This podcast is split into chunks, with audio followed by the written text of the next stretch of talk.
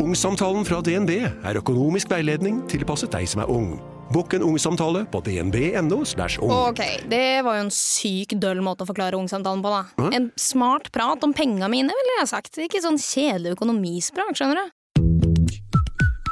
Hei og velkommen til Femihelse, en podkast om kvinnehelse fra A til Å. Og jeg heter Helene, Og jeg heter Sigrun. og vi har startet denne podkasten fordi vi mener at det bør snakkes mye mer om kvinnehelse. Så la oss snakke. Hallo, Hallo! og velkommen til en ny episode av Femihelse.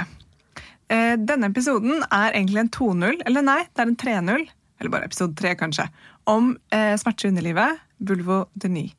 Fordi dette er et sånn gulltilfelle som bare vi elsker. Sigrun er jo i mammaperm, masse å gjøre der. Jeg er i full jobb. Så når vi får en mail som bare er sånn Hei! Jeg er en ekspert på dette og dette, og jeg har så lyst til å komme i deres podkast, og jeg er psykolog og forsker, så blir jeg sånn Woho! Jeg tror jeg tok meg fem minutter å svare og bare Kom, kom, du kan komme i morgen! Du kan komme Når i kan morgen. du komme? Når kan du komme? For Det er så sjukt mye spennende å snakke om, men det er fortsatt vanskelig å finne folk eller gode eksperter. Så som alltid, er du ekspert, eller kjenner du til noen som er skikkelig gode på et eller annet, brenner for et eller annet tema, ta kontakt med oss. Yes. Og helst at, eh, at det er liksom vitenskapelig basert òg. Ja, helst. Helst. Ja. Ja. Der er vi litt sånn strenge. Um, Men ja, smerter i underlivet. yes. Det er jo et tema som på mange måter vi har brent for siden vi, vi startet så Vi har snakket mye om det.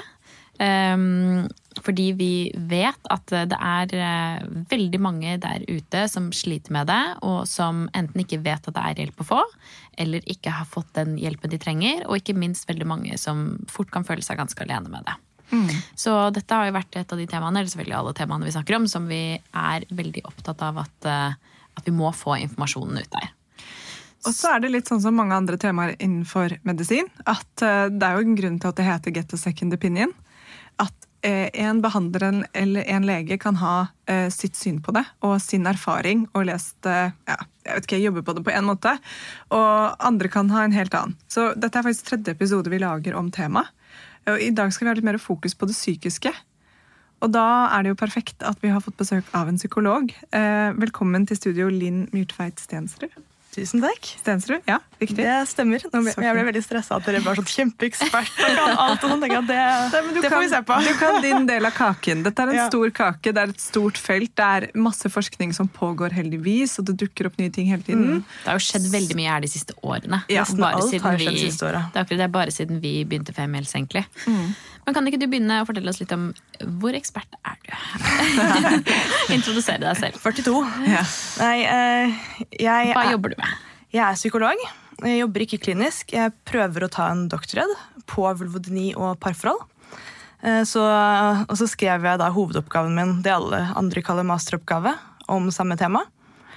Eh, Så jeg begynte å lese meg opp på vulvodyni, det som den gangen het vestibulitt, i 2013-2014. Og den gangen, så var det sånn, bare for en historisk anekdote, så var det sånn da jeg googlet det første gang, så var det én nettside på norsk som fantes om vestibulitt. Og det var fra Ullevål sykehus, og der sto det sånn cirka fire setninger, og en av dem var at dette her er som regel forårsaket av fortrengte seksuelle overgrep i barndommen. Og det var all informasjon som gikk an å få tak i for meg den gangen. sant? Det kan hende jeg var en dårlig googler, men det var alt jeg fant. Eh, Og det var litt bakgrunnen, for jeg tenkte at her trengs det litt mer kunnskap, og mer må opp og fram og ut. Og det er jo fryktelig mye mer nå, både med at dere har jo bidratt med et par episoder, og det er jo kommet bøker om det, ikke spesifikt om vulvodyni, men iallfall om sånn Gleden med skjeden og deres bok, og det begynner å bli litt mer kronikker og alt mulig om det. For vi er litt old school der, for vi kaller det også fortsatt litt vestibulitt slash vaginisme slash vulvodyni. Ja. Det er vanskelig å si vulvodyni. Jeg tar meg i det. Vulvoidi. Det er så mange vokaler. det Er derfor derfor du heller kaller det vestibulitt? Ja, faktisk. Ja, Det er derfor NRK Radio likte å kalle det for musepinne. Musepinne? Yep. Er det sant? De prøver å få gjennom det begrepet, og jeg skjønner det litt. Det kan bli litt enklere. Eh, Men det er jo sånn ofte som når man snakker om smerte ved samleie generelt, i bredeste forstand, så kaller man det ofte dyspareuni. Og det kan jo da sitte ytterst ved vulva, ytre kjønnsorganet, eller det kan sitte lenger opp i skjeden. Eh, Og når det da sitter ytterst i det ytre kjønnsorganet, så heter det vulvodyni, som rett og slett betyr vulva smerte. Eh, I gamle dager så kalte man det vestibulitt, fordi man trodde det var en betennelsestilstand som forårsaket det. Og det tror man ikke lenger, og derfor har man endret det navnet da, til at det bare er beskrivende av symptombildet og ikke sier noe om årsak. Eh, og i USA så kalles det genitopelvic pain slash penetration disorder. Så der heter det jo enda noe annet igjen, og veldig mye av studiene er fra USA. Eh, og så snakker en del om vestibulodyni, og det er da en undergruppe igjen av vulvodyni, hvor smerten er lokalisert i vestibylen, som er en del av vulva. Bakre skjedeinngangen, egentlig. Og noen har klitrodyni, da er det vondt i klitoris. Så det er fryktelig mange sånne diagnoser. da. Og det er det som gjør det litt utfordrende å forske på, er at det er studier over disse årene hvor diagnosekriteriene endrer seg, eh, diagnosenavnet endrer seg, og det er ganske mange sånne symptombilder som er nokså like overlappende, men ikke helt det samme. Og så skal man holde tunga litt rett i munnen når man uttaler seg om disse forskjellige tingene. da. Men når vi snakker om vulvodyni, så skiller man jo også mellom lokalisert og eh, provosert vulvodyni, hvor det kommer vondt når man setter inn tampong eller har samleie eller sykler, og de som har essensiell vulvodyni, hvor det er vondt hele tiden. Og der er det jo oftere flere av de unge som har den provoserte, og de eldre etter overgangsalder som har den essensielle. Eh, Men jeg møter mange som har den essensielle som unge òg, så det er, eh, en god, det er skikkelig surr i dette her. Masse begreper.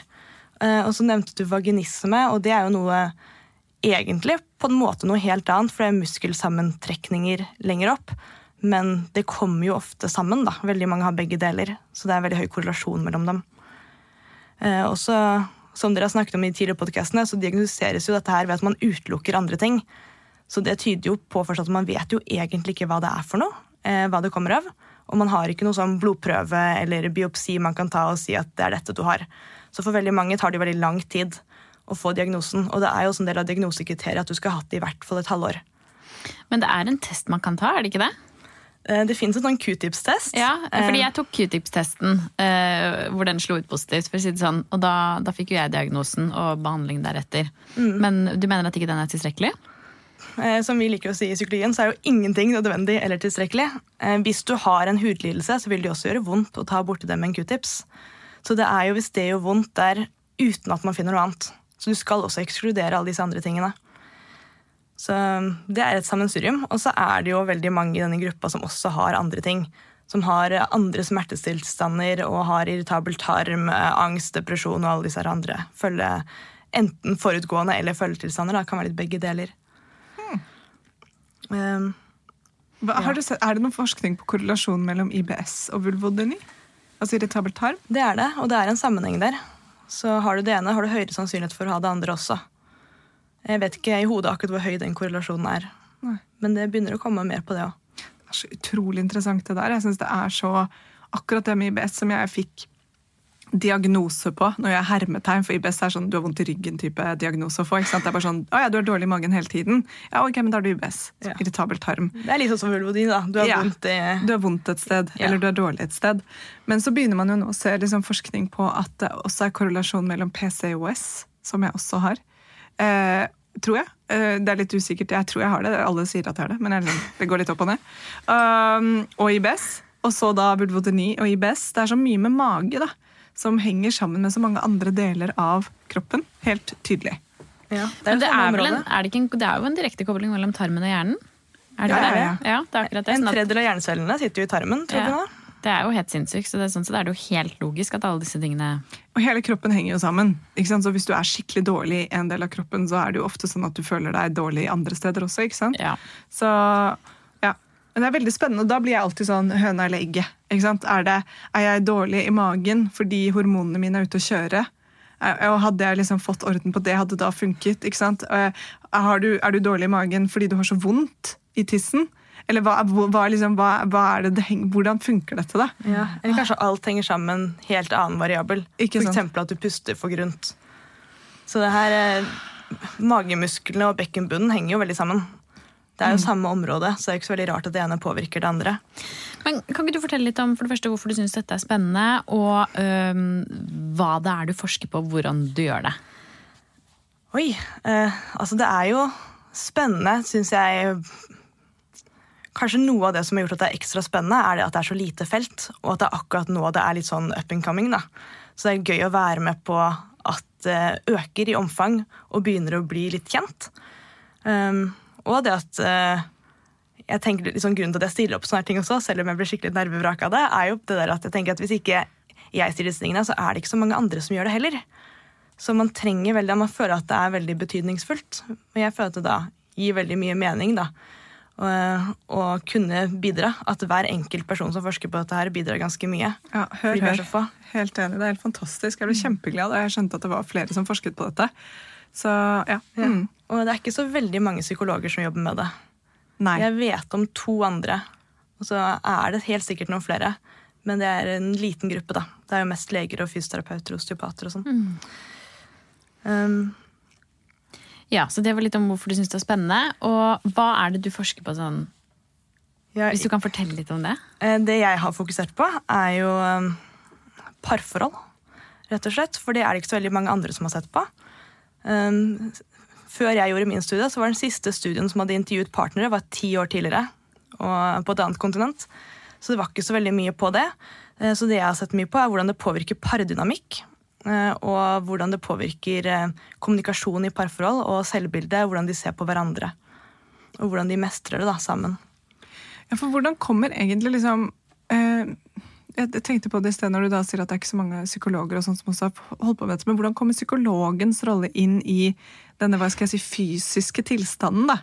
Fordi vi snakket litt sammen på telefon, og så sa jeg at jeg opplever at noen på en måte sier sånn ja, dette er psykisk, men så er det andre som sier nei, dette er fysisk. Og så er det tredje som sier nei, dette er en kombinasjon av de to. Og så vet vi jo, vi har snakket med ganske mange eh, jenter og kvinner som har det, og som hater den.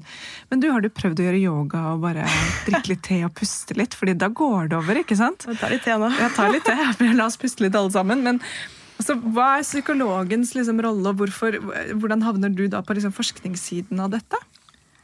Um, altså Først og fremst så tenker jeg at det er ganske meningsløst på mange måter at vi har denne dikotomien med fysisk og psykisk. For det er jo mer og mer forskning som tyder på at ting er ikke så enkelt. Nå var det jo senest i A-magasinet for et par uker siden at du har økt risiko for å få brystkreft hvis du har opplevd overgrep i barndommen. Så stress og syke og det somatiske henger veldig tett sammen. Jeg tror det henger mye tettere sammen enn det folk flest eh, tenker. Um, og så tenker jeg som psykolog så kommer jeg litt inn i det, fordi åpenbart så påvirker dette parforhold og selvbilde ganske mye. Og så er det også sånn at de fleste av disse vulvodyni-pasientene har også eh, angst og depresjon og selvmordstanker. Er det sant? Mm, det er veldig mye. De fleste av de? Eh, 57-60% er det én studie som viser. Det er ikke så mange studier som har sett på akkurat det. Eh, Jeg har bare sett én selvmordstanker. Ja. men det er flertallet, da. Så det er ganske mye. Og så har det, det har ganske mange forskjellige sånne psykiske eller psykologiske korrelater. Og da tenker jeg ikke på sånn at det bare er stressutløst, og at det hjelper å puste og gjøre yoga og tenke litt annerledes. Det er ganske mye studier som tyder på at det ikke funker alene. Generelt så er det jo sånn at det som virker best i forskningen, er eh, sånn en blanding av flere ulike tilnærminger. At man har mest mulig tverrfaglige team som jobber med det. Og tar hensyn til litt mer sånn holistisk tilnærming, da, hvor man ser på alt. Um, men eh, kanskje det jeg tenker er noe av det aller viktigste kanskje psykologen kan bidra med, er det her at det er sånn jeg opplever det, så er det fryktelig mye skam knyttet til det. Helt enormt mye. Eh, Og for veldig mange så gjør det at de ikke oppsøker hjelp i det hele tatt. Det kom en svensk studie for noen år siden, og den viste at eh, godt under en tredjedel av alle som får dette her, oppsøker aldri, eller bare under en tredjedel oppsøker lege. Og Så to over tredjedeler to bare- tredjedeler gjør det aldri. Og de bare går og har det De går og har det i årevis. Og håper at det skal gå over. Og for 40% så går det over uten behandling. Så det er jo på en måte det fine. Men det er jo fortsatt en 60% som det ikke blir bedre for. Ja, det er vonde tall. Eh, og så er det også I den samme svenske studien så ser de at bare 20% av de som har oppsøkt lege, har blitt bedre av behandlingen de har fått. Og det, Ofte så er dette her også ting folk finner ut på nettet når folk begynner å selvdiagnostisere. De går jo ofte til en fastlege som kanskje ikke har hørt om det. Noen går til en gynekolog som ikke tror på dem. Eh, Noen har vært hos 17-18 leger og blitt skjelt ut av flere av dem. eh, Blitt mistrodd og fått beskjed om at de søker oppmerksomhet og de tar opp tiden med ting som ikke finnes, og de bare finner på ting. Um, og det gjør jo at veldig mange kvier seg når du da leser det på nettet. Hvis du går inn på Reddit eller Facebook og ser at andre forteller at dette her får du ikke noe hjelp for, det er kjempevanskelig, og du blir til og med skjelt ut og stigmatisert, så gjør det jo at færre har lyst til å oppsøke hjelp. Og det er jo en veldig ond sirkel. Ja, det er helt forferdelig. Og så er det jo en del som også har veldig negative erfaringer med helsevesenet, og også noen som eh, har så mye traumer at de rett og slett oppfyller en PTSD-diagnose etter gynekologbesøk. Ja. Så, og mange unngår også gynekologiske undersøkelser fordi de er redd for smerten. Ja, ikke sant? Det er redd for at gynekologen da ikke skal ta hensyn. Ja, Og det er det jo dessverre mange som har opplevd. da. Både veldig smertefulle undersøkelser eh, som gynekologen ikke skjønner at gjør vondt. Og veldig, så er det jo flere som rett og slett blir kjefta huden full. Og det er jo ikke det du har lyst til å bli møtt med når du har stått og ventet et halvår på venteliste for å komme til en spesialist. Men opplever du at kompetansen fortsatt er for lav når det Ja. kommer til dette her? Ikke, altså det er ingen tvil, altfor lav. Eh, og det begynner jo heldigvis å bli bedre. Eh, og de jeg har snakket med, de sier også det at det er eh, veldig forskjell på å komme til en nyutdannet lege på 30 og komme til de som er 60. Så de yngre kan mye mer om dette her. De har hørt om det, og de er generelt mer opptatt av likestilling og kvinnehelse og seksuell helse. Kanskje særlig. Og mens kanskje den eldre guide har litt mer sånn eh, eldre holdninger til at kanskje kvinners seksualitet er ikke så viktig som menns. Og det går jo også igjen hos de kvinnene jeg intervjuer. da. De, alle sier jo det er enige om at mannens seksualitet er mye viktigere enn deres egen. Så det gjør jo også at de presser seg veldig. Og 90 fortsetter jo å ha sex selv om det gjør kjempevondt. Og en del tar jo smertestillende og selvmedisinerer sånn, da. Ja. Hvorfor gjør de det, da? Eh, det, den vanligste årsaken de oppgir i studier, er at de vil innfri partnerens behov. Eh, veldig mange er jo redd for at partneren skal gå fra dem. Eh, de føler at de er utilstrekkelige som kvinner. At de mister en kvinnelig identitet hvis de ikke kan gjennomføre et vaginalt samleie. At det er noe som er viktig for identitet, selvfølelse, parforholdet og ikke minst for partneren. Men er det mange av disse jeg vet ikke om du vet svaret på dette, men som er åpne med partneren sin om eh, problemene sine? Jeg har jo forsket på par, og da får jeg jo selvfølgelig bare de som har snakket sammen om det. Hvis Ja. ikke så ville de ikke meldt seg til meg og meldt inn partneren. Eh, Så, men det som er interessant, er at selv med de som da har vært åpne til slutt, forteller jo de fleste at de har hatt flere år der de ikke har sagt noe. Hvor de har eh, simulert orgasmer og bitt henda sammen, da, som flere av dem sier. Tatt eh, liksom, tre Ibux og bitt henda sammen, og så kjøre på. Det, og en del forteller jo også at de har gjort dette her i årevis. Og når da de endelig er åpne om det, så kommer det ofte som en veldig brått sjokk på partneren. Som da får veldig skyldfølelse og veldig skam. Eh, Noen av de jeg har snakket med, forteller jo at de ser på seg selv som voldtektsmenn i ettertid. Og så skjønte de aldri underveis at de gjorde noe galt. Så det har jo veldig stor innvirkning på parforholdet og partneren òg. Det er jo også studier som viser at partnere også har mer angst og depresjon enn partnere til eh, kvinner uten underlivssmerter. Mm. Så det her er viktig for familiene, da, parene. Det er så vondt. Vondt å høre på. Vond fakta. Ja, det er det. ja. Men um, blant de som da også velger å være åpne med partneren sin, ser man at det kan ha positiv, altså, Ja. positiv innvirkning? På den andre siden? Ja, nå er jeg sikkert veldig psykolog, men jeg syns jo at folk burde snakke mye mer om det. Og tenke at det med åpen kommunikasjon og øke emosjonell trygghet, hvor de kan snakke om hva de føler, hva de trenger og behov og grensesetting og sånn, tenker jeg egentlig er kanskje kort fortalt nøkkelen da, til å få det bedre. Ja, Dette er kanskje litt sånn flåsete bisetning, men vi hadde jo en episode eh, som heter Orgasme. En av våre mest populære episoder. og Da snakker vi også mye om eh, mange måter å ha sex på. Og mange måter å være nær på. Og ikke alt skal lande i det, og ikke alt skal være penetrering. Og kanskje det er lettere ja, Nå bare spekulerer jeg. Det er kanskje lettere å ha liksom nærhet og, og eh, seksuell kontakt hvis ikke det er krav om, eller liksom fokus på penetreringen også, da. Ja, det er et veldig godt poeng. Og denne her andre studien, den forrige studien for drøyt ti år siden, da, som intervjuet par, de fant jo at par ofte brukte noen sånne strategier for å håndtere sexlivet, og at ganske mange bare ble til et sånn helt aseksuelt par, så de hadde ikke sex overhodet, bare droppa det og så på film istedenfor. Og så hadde de som fant alternative løsninger. Og så hadde de som bet tennene sammen og på en måte gjorde som vanlig. da. Eh, Men eh, det virker jo som det går best med de som finner alternative løsninger og kan kompromisse litt. Og det trenger jo ikke være nødvendigvis at man skal ha sex eller ikke ha det. Eh, Men det man ser veldig ofte, er at de kvinnene som har de smertene, de blir så innmari redd for all fysisk berøring. Og er redd for at alle former, alle former for intimitet skal lede til sex og smerter. Så de bare trekker seg unna med en gang. Så slutter de å klemme, så slutter de å ta på hverandre, så slutter de til siden av hverandre på sofaen. Blir du er redd for at det skal være en invitasjon? Ja. Eller oppfattes som en invitasjon? Litt sånn, Har du først sagt A, så må du si B, og så må du ha sex, og så gjør det vondt. Og så hvis det først gjør vondt under sex, så må du fullføre til mannen kommer. Det er på en måte litt sånn korte oppsummeringen veldig mange kommer med. Uh, og noen av de jeg har intervjuet, har jo sånne ganske fiffige, egentlig ganske fine løsninger. For de skjønner jo at de trenger intimitet, og de trenger nærhet og fysisk kontakt. Så finner de sånne sexfrie soner. Eksempel at eh, Når vi er på sofaen, så skal vi aldri ha sex, men da tar vi på hverandre og sitter inntil hverandre og koser. Eller vi kan dusje sammen og gjøre sånne andre ting. Eh, Og de, eh, de som gjør det, har jeg inntrykk av at det er de det går best med. da. Det er fint, altså, da sikrer man i hvert fall at ingen får dårlig samvittighet. Altså ikke han eller hun da, som, som prøver seg. Eh, Bortsett fra at veldig mange av disse kvinnene har veldig dårlig samvittighet likevel. ja, det kan jeg jo skjønne. Jo, men da tenker jeg mer i en sånn nærhetssituasjon. At man Ja. i hvert fall unngår det. Men jeg skjønner jo veldig godt den dårlige samvittighetsaspektet. Ja. Ja, det er veldig mye dårlig samvittighet. Eh, Men det som er litt interessant, synes jeg, også er Jeg leste jo først disse studiene på vulvodyni, og ble jo ganske opprørt over veldig mange av disse funnene. Og så måtte jeg jo også lese litteraturen på forhold uten vulvodyni for å ha noe å sammenligne med. Sånn, jeg syns jo mange av disse kvinnene finner seg i veldig mye, og de biter seg sammen, og de sier ikke så mye om hva de trenger og sånn. Eh, Og det ser man jo gjelder jo de fleste andre kvinner òg. og det er det som er interessant. Sånn, eh, det var også en studie som kom ut nå, jeg tror det, det var vel også fra Sverige, hvor de så på jenter som var 16 til 21 år, så det er tenåringsjenter. Så ser man at eh, 84% av dem har hatt minst et seksuelt problem de siste par årene. Og for de aller fleste så er det smerter. Så veldig mange, eh, andre, veldig mange i, i samfunnet har jo disse her problemene.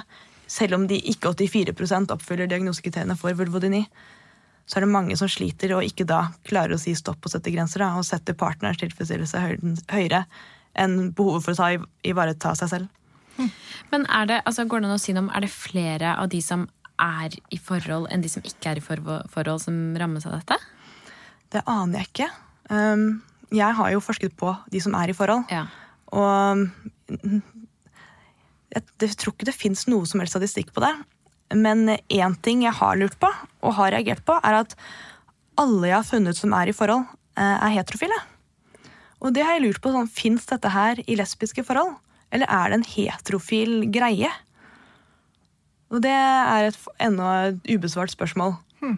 Hvor mye henger dette sammen med sånn der penetrerende samleiepress?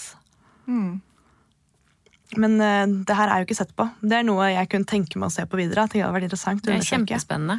Og generelt se mer på hvem er denne gruppa, og hva bidrar til å forårsake dette. her. Ja, ja, og som du sier, hvor mye det samleiet kan spille inn negativt, i hvert fall i hvorvidt man blir, blir bra eller ikke. da. Ja. Og så er det noe med generelt kvinnesyn, på en måte at kvinner gjør veldig mye rart for å tilpasse samfunnets normer. Eh, og det jo, kom en svensk studie for noen år siden som mener at det øker i befolkningen. Altså Vi regner med at det er sånn 15-20% av kvinnelige befolkningen som får dette i løpet av livet. Eh, og så tror vi det har økt. Og det de har gjort i den studien der, er at de har sett på om dette her kan skyldes eh, f.eks. endringer i seksuell praksis, p-pillebruk, eller om det rett og slett bare er større åpenhet for å komme og fortelle om det. Og de har eh, slått tilbake alle de hypotesene og sier at det er det ikke. Vi kan vise ganske klart at det skyldes ikke de tingene. Men muligens, som eh, hun Madeleine Engen tok opp i en tidligere episode, kan det skyldes at kanesten og soppekurer har blitt reseptfritt. Og så sier noen også at det kanskje har med intimårfjerning å gjøre. At det også forstyrrer pH-en og bakteriefloraen, og så får du lettere smerter, da. Og tangatrusen er jo også en, en teori om at Det er i eh, hvert fall ikke sunt på noen som helst måte. Nei, men at det har irritert, da, og at det Ja. også førte til at man fikk en oppblomstring av diag denne diagnosen etter Ja. at det kom på 2000-tallet. Ja, ikke sant? Så det er nok fint å unngå sånne ting. Gå med sånn eh, bomullstruse man kan vaske på 60 grader og skylle ting godt og ikke bruke masse såpe og sånn. Sånne eh, basic-tiltakene. Men ser du noen, altså går det an å skille på, hvis man skal tenke årsak da, eh, på psykisk og fysisk, eller hva, hva tenker du om det? Altså, jeg tenker at det er veldig vanskelig å liksom, eh, skille dem fra hverandre. Men det er veldig mange ulike modeller for å forklare årsak. Eh, Det er noe genetisk. Eh, Det er noen gener som gir økt risiko for både å få soppinfeksjoner og gjør at kroppen får mer inflammasjon og reagerer sterkere på det. Eh, og noen gener som gjør at du får økt følsomhet for en del hormoner. Som gjør at du kanskje blir dårligere av f.eks. pepler enn andre. Og så er det hormonelle forklaringer på at f.eks. for så har man sett at tidlig påbegynnende p-pillebruk kan øke risikoen. Uh, og for de som har sånn p-pilleutløst vulvodyni, så sies at det hjelper ofte å da få hormonbehandling. Bruke østrogenkremer og sånn. Uh, og så har man sånne inflammatoriske og sånne muskel-skjelettforklaringer og nevrologiske. Uh, I de nevrologiske forklaringene så tenker man jo at det er noen nevropatiske mekanismer i nervene som gjør at smerteterskelen reduseres, rett og slett. Eh, så man får det som kalles sånn allodoni og hyperalgesi. Det vil si at ting som i utgangspunktet ikke ville gjort noe vondt, eh, gjør vondt. Eh, og at ting som i utgangspunktet ville gjort litt vondt, gjør fryktelig mye mer vondt enn det berøringen skulle tilsi. da. Og så har man jo psykososiale forklaringsteorier. Som henger sammen med at bl.a. halvparten fra norsk studie har man sett i Norge, halvparten av pasientene har vært utsatt for seksuelle overgrep. Eh, og det er jo Halvparten har jo ikke vært det, men det er jo, de er veldig overrepresentert. Så det er jo noe som ser ut til å bidra til å øke risikoen. Og så har man også sett at hvis overgrepene er gjort av noen i nær familie, så har du enda høyere risiko enn om det er noen utafor. Eh, og så vet vi at angst og depresjon kan påvirke sentralnervesystemet og føre til at smerteterskel igjen reduseres. Så dette her henger jo sammen. Om du ser på nevrologisk eller psykologisk, så er det på mange måter to sider av samme sak. Um, og så har man kognitive, man driver jo også med kognitiv terapi for dette. Og de kognitive forklaringene går jo på at man har mye katastrofetenkning. Um, har vansker for i parforholdet, selvbildet. Uh, og så jobber man med sånn hjemmeoppgaver og ta tak i hva er det man egentlig frykter. Mange har jo sånne katastrofetanker som og hvis jeg får litt vondt nå, så betyr det at det aldri kommer til å gå over. Jeg kommer til å ha vondt, jeg kommer aldri til å ha sex igjen, og jeg kommer til å bli skilt, jeg kommer aldri til å få barn, jeg kommer til å dø alene som sånn crazy cat lady. Altså Noen trekker, trekker den helt dit veldig raskt, da. og det er jo det vi kaller for katastrofetanker. Eh, og det er det ganske mye av i denne gruppen. Eh, og så jobber man da ofte med mindfulness og sånn kognitiv restrukturering. Altså man skal tenke litt annerledes. Tenke at dette her kan gå over, jeg kan mestre dette. Det at det gjør vondt nå, betyr ikke at det gjør det neste uke også. I hvert fall ikke neste år. Eh, og så er det jo sånn som jeg sa i starten, at jo mer tverrfaglig tilnærming, jo bedre resultaten da, i de studiene man har. Så det å bare gå til psykolog eller bare gå til lege har nokså dårlig prognose i forhold til at man gjør begge deler samtidig. Og gjerne fysioterapeut og kanskje sexolog, kanskje parterapeut, litt avhengig av hva slags problem. Har man traumeerfaringer med overgrep, så vil jeg tenke at da bør man definitivt til en psykolog. Det er heftig da, som enkeltmenneske å skulle oppsøke eller vite at man skal oppsøke alle disse formene for hjelp, ja. og fort ekstremt dyrt. Det er kjempedyrt, fordi veldig lite av det er dekket av det offentlige. Ja. for det, det kommer jo ikke som en behandlingspakke, dette her. Nei, og det er min drøm da, for framtiden. Jeg skal være sånn revisjonær, så drømmer jeg om at vi skal få tverrfaglige behandlingsteam som driver med alt dette. Vi har vulvaklinikker, og de har hudleger, gynekologer eh, og Eh, og samarbeider med Bensendik fysioterapeuter og sånn. Og de gjør en kjempestor, god jobb. Eh, men jeg skulle jo jeg ønske at for det første at de var veldig mange flere og mhm. hadde enormt mye mer kapasitet enn det de har per i dag. Og ikke en minskende kapasitet som de har per i dag. Nei, ikke sant. Jeg skulle hatt veldig mye mer. Og så tenker jeg også at man skulle også hatt med psykologer og terapeuter og sånn i tillegg. Og noe av det som er generelt da, med seksuelle dysfunksjoner, så er det sånn at du har bedre prognose hvis partner blir inkludert i behandlingen. Så, og det er jo noe av det jeg har sett på, at de føler seg ofte veldig utafor og får ikke informasjon fra helsepersonell.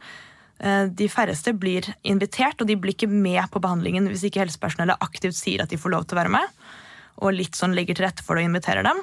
Eh, og så er det jo en del som har opplevd at de har vært med, og så har de bare blitt ignorert og følt at eh, de er der som en sånn ingen eller en sånn syndebukk, på en måte.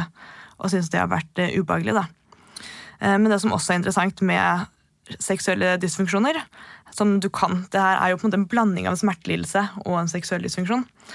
Uh, men det som jeg syns er litt interessant, er at det er veldig stor effekt av placebo ved seksuelle dysfunksjoner. Som noen bruker for å si på en måte at det her er da veldig sånn i hodet og psykisk. og sånn. Jeg tenker kanskje mer at um, veldig at det her har en del Skal jeg prøve å forklare meg litt sånn der fornuftig her? Jeg hadde litt mange tanker i hodet på en gang da. Eh, Men det at placeboeffekten er så stor, kan jo tyde på at bare det å ta tiden til hjelp har ganske stor effekt. Og så vet vi jo fra noen studier at det er 40% blir bedre bare av tid. Eh, Og det å bli møtt og sett og tatt på alvor.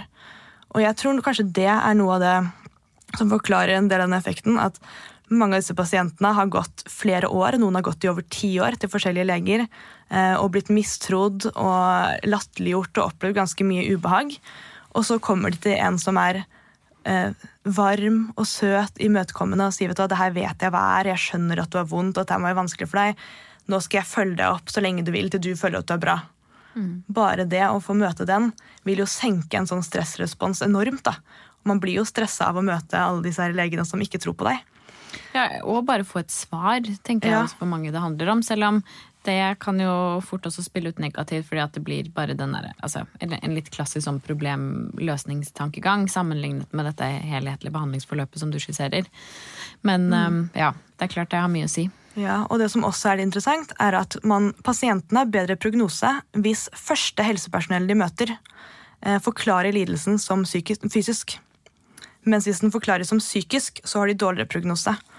Og det tenker jeg også sier en hel del om hvor mye skam det er knyttet til det at det skal være psykisk.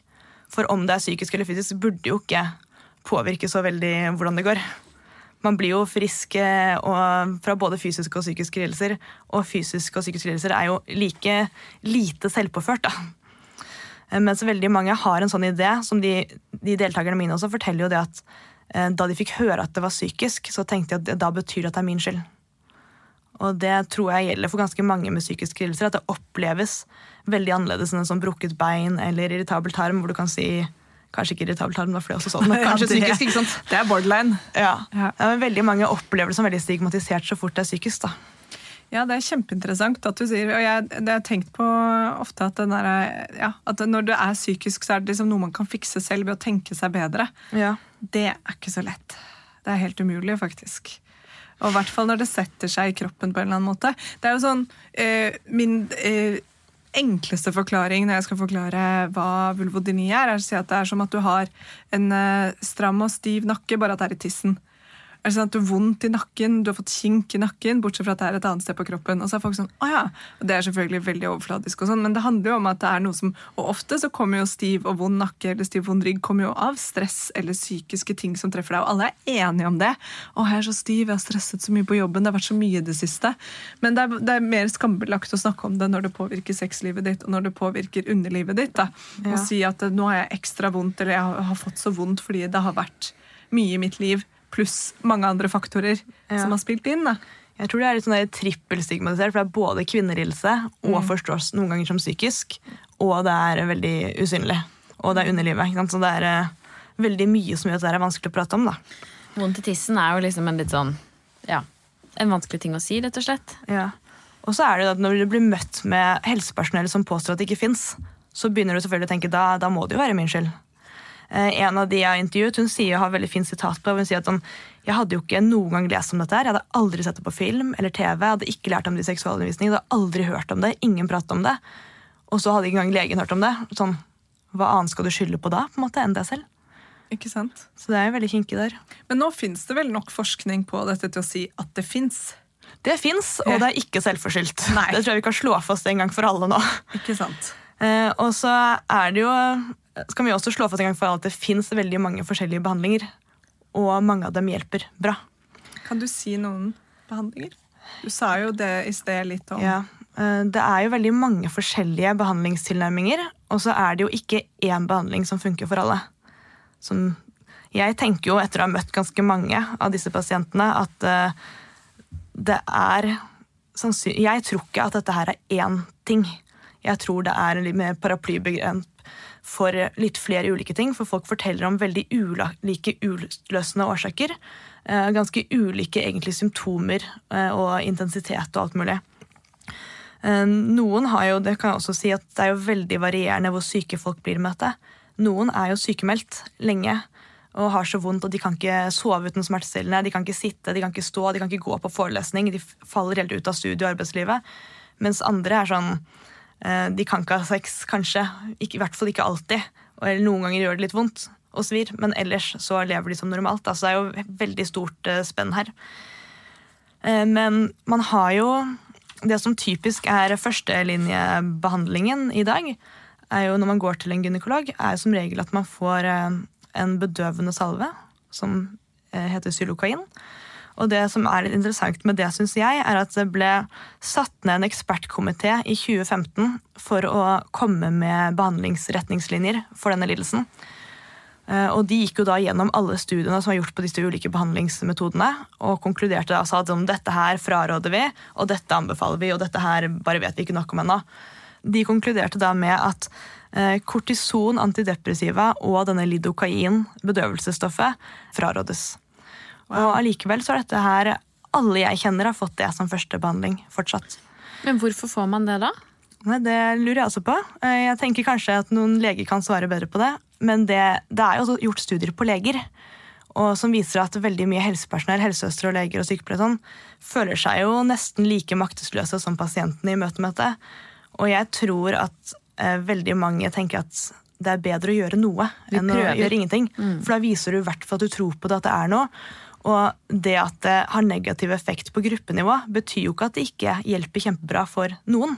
Det er på en måte det som er litt vanskelig her. Da, at jeg tenker at En del ting viser null effekt eller negativ effekt eller positiv effekt, og så vet du egentlig ikke om det virker på akkurat deg.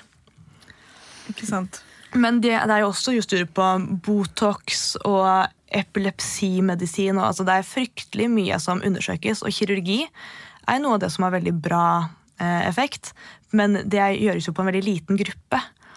Og så er det jo, vet vi ikke lenge, helt ennå hvor, hvordan langtidskonsekvenser det har. da.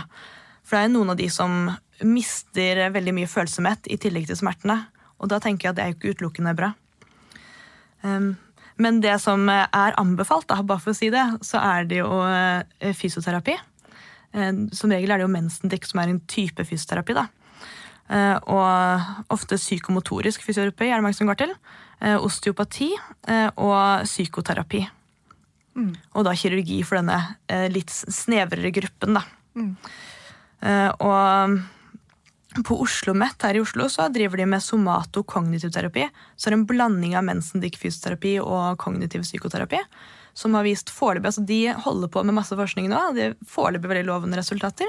Spennende. Det er veldig, så det er jo kult. Eh, Det er jo ikke så mange land i verden som har sånne forskningsgrupper på dette her, og Norge er jo et av dem. da, Så det er jo litt kult. Selv om det er et lite felt. Det er fantastisk å høre. Altså, jeg synes Det er så spennende å høre på deg fortelle. Ja. Det er, altså, vi har veldig mange flinke folk i studio, men det å få en som faktisk liksom har gravd seg ned i ett tema, er Ja. en gavepakke. I Ja. hvert fall for oss som er nysgjerrige Ja, virkelig. og har mange spørsmål. Men jeg kjenner sånn, um, Nå har vi lært veldig mye, og før vi begynner å liksom wrap up, så har jeg et ønske. Og det er kanskje at du kan komme med noen tips, fordi jeg tipper at en del av de som hører på denne episoden, ehm, enten kjenner noen som lider av dette, eller har det selv. Ja. Um, jeg vet ikke om du kanskje liksom Det er kanskje enklest for deg å snakke til de som er i et parforhold, for det er det du har forsket mest på, men er det noe du kan si?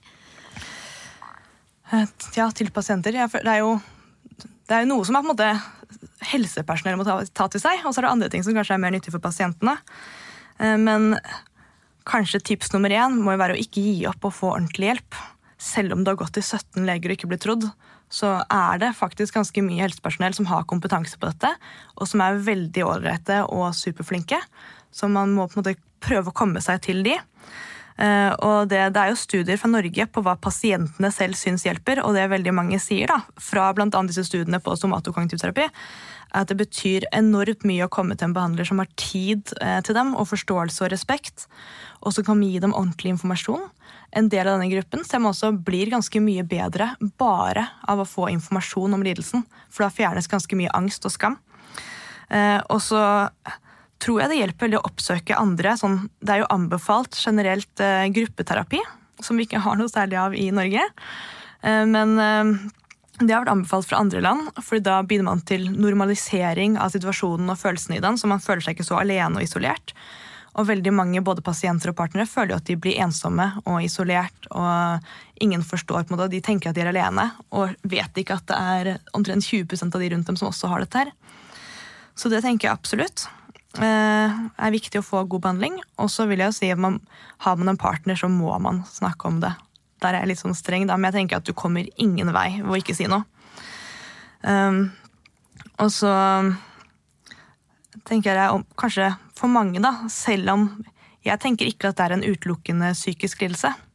Eh, langt ifra, men jeg tenker at veldig mange får psykiske følgeplager av det.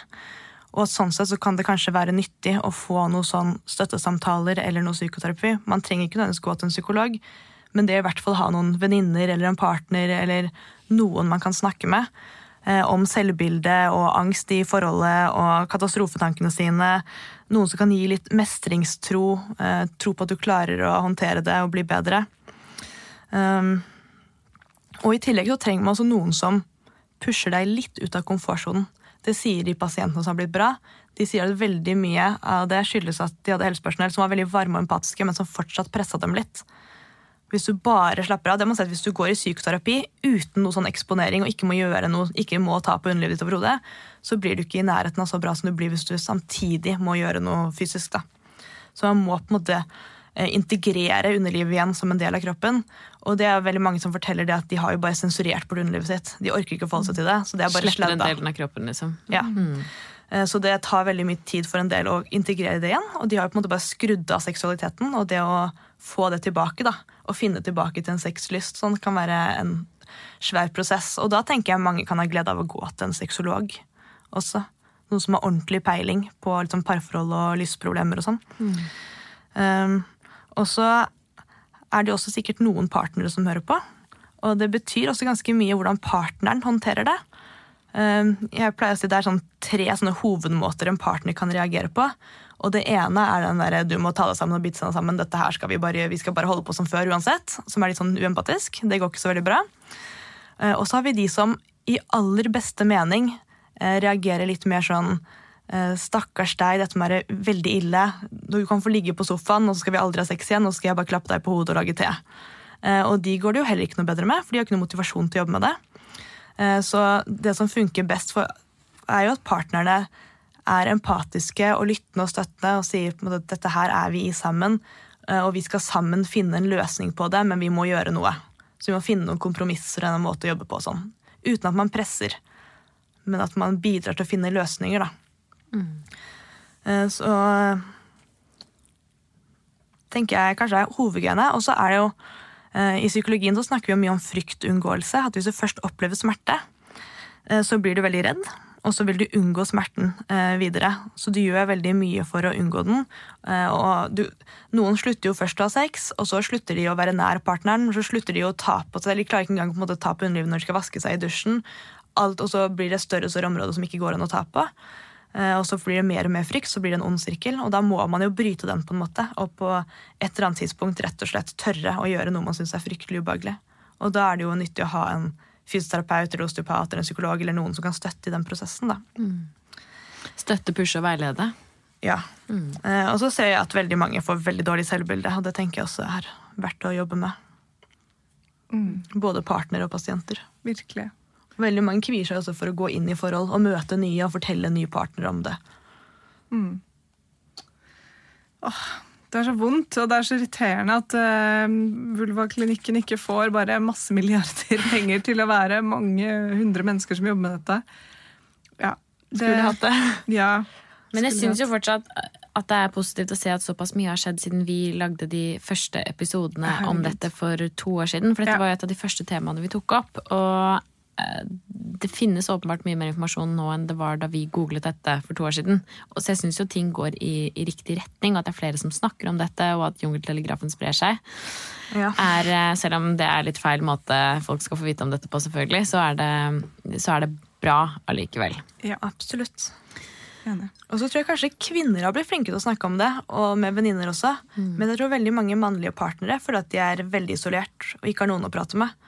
Så jeg tenker også at man, eh, selv om man syns det er ubehagelig å bli utlørt, så tenker jeg også at man kanskje skal la partneren også få i hvert fall én person som han kan snakke med.